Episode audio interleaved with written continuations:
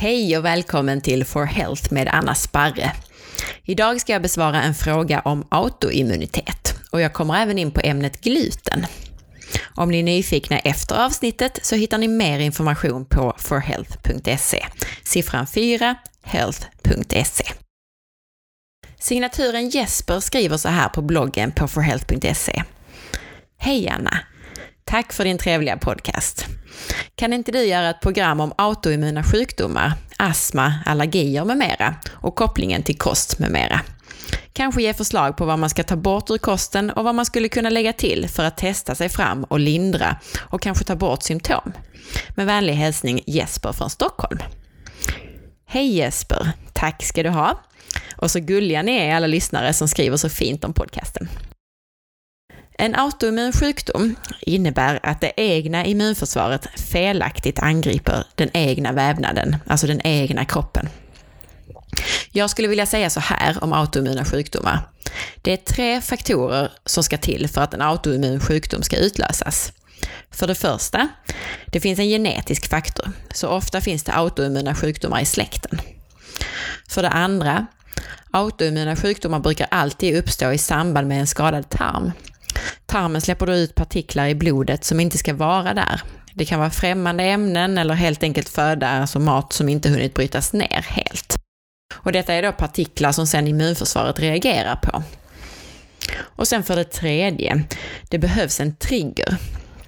Ofta så triggas den autoimmuna sjukdomen igång i samband med en infektion. Och det kan vara i samband med ett aktivt immunförsvar som vid ett rejält virus. Eh, en influensa kan vara en utlösande faktor. Men det kan även en vaccination eller en graviditet som också innebär förändringar för immunförsvaret. En vanlig utlösande faktor till exempel är borrelia.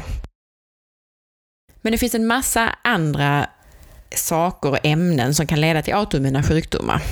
Och visste du till exempel att bisfenol A's struktur ser ut som sköldkörtelhormon? Så bisfenol A, alltså det som finns i plast, bland annat på insidan av konservburkar, det binder till vår sköldkörtel och sen så attackerar då immunförsvaret själva sköldkörteln eftersom där sitter ett främmande ämne.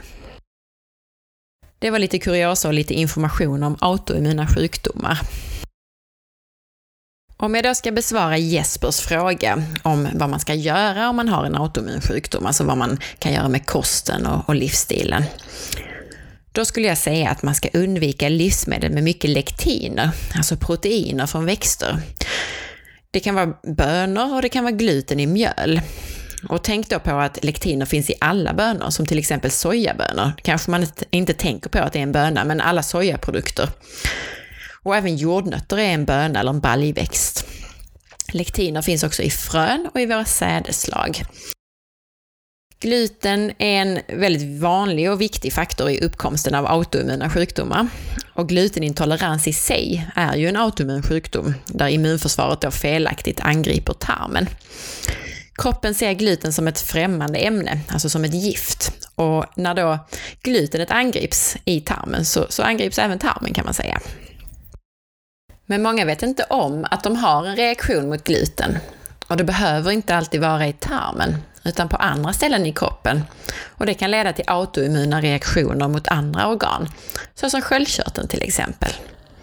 Det finns massor med människor som vittnar om hur de håller sin Hashimotos, alltså autoimmunitet mot sköldkörteln, att de håller det i schack bara genom att helt undvika gluten, eller egentligen alla spannmål. Och när jag nu ändå pratar om gluten och autoimmunitet så vill jag ta upp det här med gluten. Gluten är en sammansättning av proteiner och det finns i vete, råg och korn. Men det man ska veta är också att det finns glutenliknande proteiner i eh, alla spannmål, så man ska vara försiktig även med ris och majs och sådana här saker. Gluten består i sig av olika typer av protein. Gluteninnehållet i mjöl ökar konstant för att det gör mjölet lättare att baka med och för att jordbrukarna får mer betalt vid ett högre proteininnehåll. Glutenintolerans eller celiaki, det definieras som den sjukdom som orsakar skada på tunntarmens slemhinna, alltså på tarmluddet. Och det är en autoimmun sjukdom där det finns antikroppar mot ett, eh, ett av de här proteinerna i gluten. Glutenöverkänslighet kan till skillnad från celiaki påverka vilken kroppsdel eller vilket system i kroppen som helst. Och det kan vara allt från levern till lederna och till hjärnan faktiskt. Och överkänslighet mot gluten är alltså en övergripande sjukdom där celiaki ingår som en liten del. Och den snäva definitionen att celiaki endast innefattar tarmen och dessutom brister i diagnostiseringen, det gör att enormt många går med en odiagnostiserad överkänslighet mot gluten. Och känslighet mot gluten, det fungerar som en eh, vaccinering kan man säga. Alltså har man en gång fått ett vaccin, då är ju immunförsvaret väldigt snabbt igång igen vid minsta lilla exponering för det skadliga ämnet. Ta en mässlingvaccination till exempel. Då fungerar det ju så. Minsta lilla exponering så är immunförsvaret igång. Det här känner det igen. Och immunförsvaret har nämligen särskilda minnesceller, B-minnesceller. Och det är precis samma sak med gluten. Du kan alltså inte bara minska ditt glutenintag eh, eller äta något med gluten några gånger om året. Utan så fort du gör det så kan ditt immunförsvar gå igång och vara aktivt mot gluten och kroppsegna vävnader i så mycket som tre månader. Till och med inandning av mjöl vid bakning kan sätta igång de här besvären. Och glutenintolerans är den vanligaste matöverkänsligheten. Problemet är att enormt många har vitt skilda problem som beror på detta utan att de vet om det. De kan till och med ha testat sig för glutenintolerans och fått svar att de är inte känsliga mot gluten. Och några anledningar till varför det är så här, det är att för det första, om vi börjar med, med då problem nummer ett. Om du går till doktorn för diverse bekymmer som huvudvärk eller koncentrationssvårigheter, då testas du troligtvis inte mot glutenintolerans. Och trots detta så har sju av åtta personer med glutenintolerans eller glutenöverkänslighet, de har sådana här icke-typiska symptom. Vilket betyder att de avspeglar sig på andra sätt än som mag och tarmproblem. Om du väl har symptom i tarmen så är det så att en vanlig doktor, så att säga, de testar bara antikroppar mot alfagliadin. Och gluten består av olika beståndsdelar, bland annat det här gliadin. Och det stämmer att hälften av dem med glutenintolerans, de har just antikroppar mot gliadin. Men resterande hälften är glutenintoleranta, de har antikroppar mot något annat av de här ämnena som ingår i gluten. Så det var det andra problemet, att man bara testar för gliadin. Och det tredje är att om läkaren väl har etablerat att man har antikroppar, om du nu har det mot rätt eh, peptid, alltså mot alfagledin, då tycker han eller hon ändå inte att du har celiaki förrän ditt tarmludd är förstört. Så därför görs en endoskopi eller koloskopi, alltså en undersökning av tarmen, där man tar en biopsi, alltså man tar ett prov av tarmen, för att se, för att se då hur insidan på dina tarmar ser ut. Men även om det är vanligt med angripna tarmar så kan du ha antikroppar som angriper andra vävnader, medan din tarm då ser helt intakt ut. Och det kan också vara så att ditt tarmludd fortfarande inte hunnit förstöras, men det kommer kanske att hända med tiden. Så skulle det här vara fallet så kan du mycket väl bli ivägskickad med uppmaningen att nej, du är inte alls glutenintolerant och därför kan du äta gluten som vanligt, trots att du har antikroppar mot gluten. Och då ska man veta om att enormt många välfärdssjukdomar kan initieras just av glutenintolerans eller överkänslighet mot gluten. Benskörhet är ett exempel. Och det är inte så konstigt eftersom ett förstört tarmludd inte absorberar de mineraler som är nödvändiga för skelettet. Och sen olika autoimmuna sjukdomar som vi pratar om idag är ett annat väldigt vanligt exempel. Autoimmuna sjukdomar är faktiskt tio gånger så vanligt hos personer med glutenintolerans som hos de utan. Och autoimmuna sjukdomar inkluderar ju väldigt vanliga sjukdomar som diabetes typ 1 och reumatism och så vidare. Det är alltså viktigt att antingen ta reda på om man faktiskt är glutenintolerant eller bara välja att jag utesluter gluten helt ändå. Så ta reda på det enklast genom att utesluta all gluten helt och hållet i minst tre veckor och gärna mer.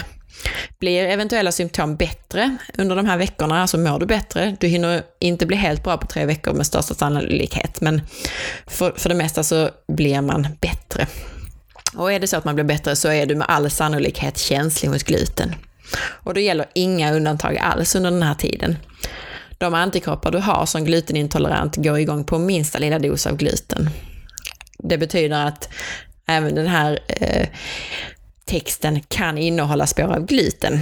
Alla de produkterna ska också undvikas. Och det finns också eh, mer avancerade tester som testar antikroppar mot olika glutenpeptider, alltså inte bara mot alfagledin. Och har du celiaki så har du med all sannolikhet även korsallergier och andra intoleranser. Nästan alla med celiaki är till exempel laktosintoleranta. Och det beror på att laktas, alltså laktas är det här enzymet som man saknar om man är laktosintolerant. Och laktas, som då bryter ner mjölksocker, det produceras i tarmluddet. Och tarmluddet är ju troligtvis förstört om du har en glutenintolerans. Så det är mer än gluten att vara uppmärksam på om du väl kommit fram till att du, att du är överkänslig.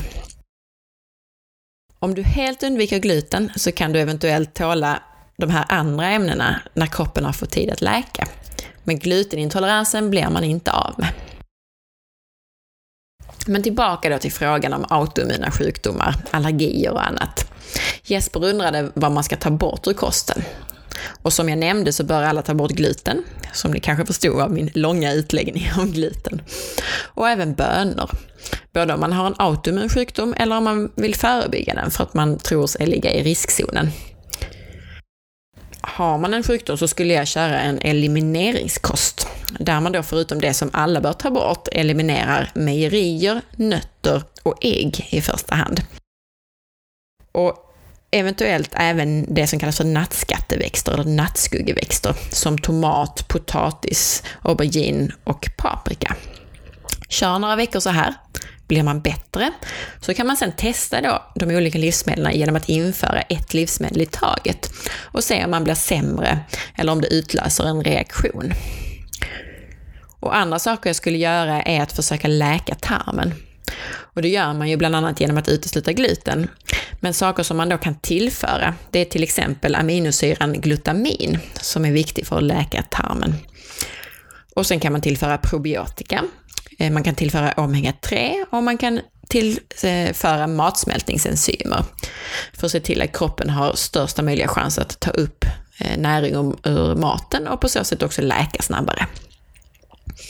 Och ett av de bästa husmorsknepen för att, eh, för att läka tarmen, det är att koka en buljong eller soppa på gamla benknotor, inte gamla såklart, men köp mm, mm, benbitar eller spara benbitar från bra kött som du har köpt. Och då får man massor med mineraler från benmärgen och dessutom eh, gelatin, en absolut nödvändighet för att hela en skadad tarm. En läckande tarm, leaky gut, det vill säga en tarm som släpper igenom lite för stora partiklar. Där täpper gelatin igen genom att bilda som en skyddande hinna. Så väldigt många med, med magproblem eh, vittnar om att det här hjälper. Och även om du inte upp, alltså upplever magen som, som det stora problemet så har man en autoimmun sjukdom så som sagt så är med största sannolikhet tarmen påverkad eller lite skadad. Och jag har skrivit mer, du kan söka på, ehm, på gelatin på forhealth.se, för där har jag skrivit lite grann om hur jag har gjort sådana här egna bensoppor. Kruxet med en del överkänslighet är att det inte är en snabb reaktion. Hösnuva till exempel, det är ju en allergi där man ser en snabb reaktion, ofta inom 10 minuter. Men vissa allergener tar tid på sig, så mycket som upp till tre dygn i vissa fall. Och här har vi skillnaden mellan det som kallas för IgG och IgE. IgG och IgE är olika klasser av antikroppar, det vill säga en del av immunförsvaret. Och det här behöver man inte kunna utan till, men det kan vara bra att veta att, att det skiljer sig, att en IgG-reaktion, det är en fördröjd reaktion som kan då ta upp till 72 timmar innan man märker av. Då kan, kan det bli väldigt klurigt att, att koppla det till ett visst livsmedel. För vad har jag ätit de senaste tre dygnen? Det är massor med olika saker. En IgE-reaktion är däremot en sån här vanlig allergi, en direkt reaktion inom 20 minuter, ofta så kort som 5 minuter. Alltså en allergi i vardagligt tal. När det gäller allergier och överkänslighet så finns det massor med ämnen att testa att utesluta. Många med migrän är till exempel överkänsliga mot livsmedel som innehåller någonting som kallas för biogena aminer. Men migrän och överkänslighet det får bli ett eget avsnitt någon gång. Det också, kan också bli spännande och finns mycket att utforska. Det finns också mycket privata tester där man gör paneler för att testa antikroppar mot olika saker. Det finns stora allergipaneler och det finns även paneler för att testa autoimmunitet. Och en del av de här testerna kan jag hjälpa dig med att ordna om du skulle vara intresserad. Avslutningsvis så vill jag säga att det finns inte autoimmunitet som bara drabbar en del av kroppen, utan de flesta har antikroppar mot flera olika organ eller körtlar eller delar av kroppen. Så att behandla med kost och livsstil är därför absolut nödvändigt. Inte bara en medicin som hjälper mot eh, autoimmunitet mot sköldkörteln till exempel. Och Jesper, jag vet att jag spårade ur lite här och pratade mycket om gluten, men jag hoppas att du fann något i det jag sa här av intresse. Så börja med att läka tarmen är väl mitt största tips. Och det här var allt för idag. Tack så mycket för att du lyssnade. Gå gärna in på iTunes och tyck till om den här podcastkanalen. Och det gör du genom att klicka på ikonen, alltså på bilden på mig, och sen väljer du betyg och recensioner. Där klickar du på stjärnorna. Klickar du längst till höger så markerar du alla fem stjärnor, det vill säga om du tyckte att det var bra.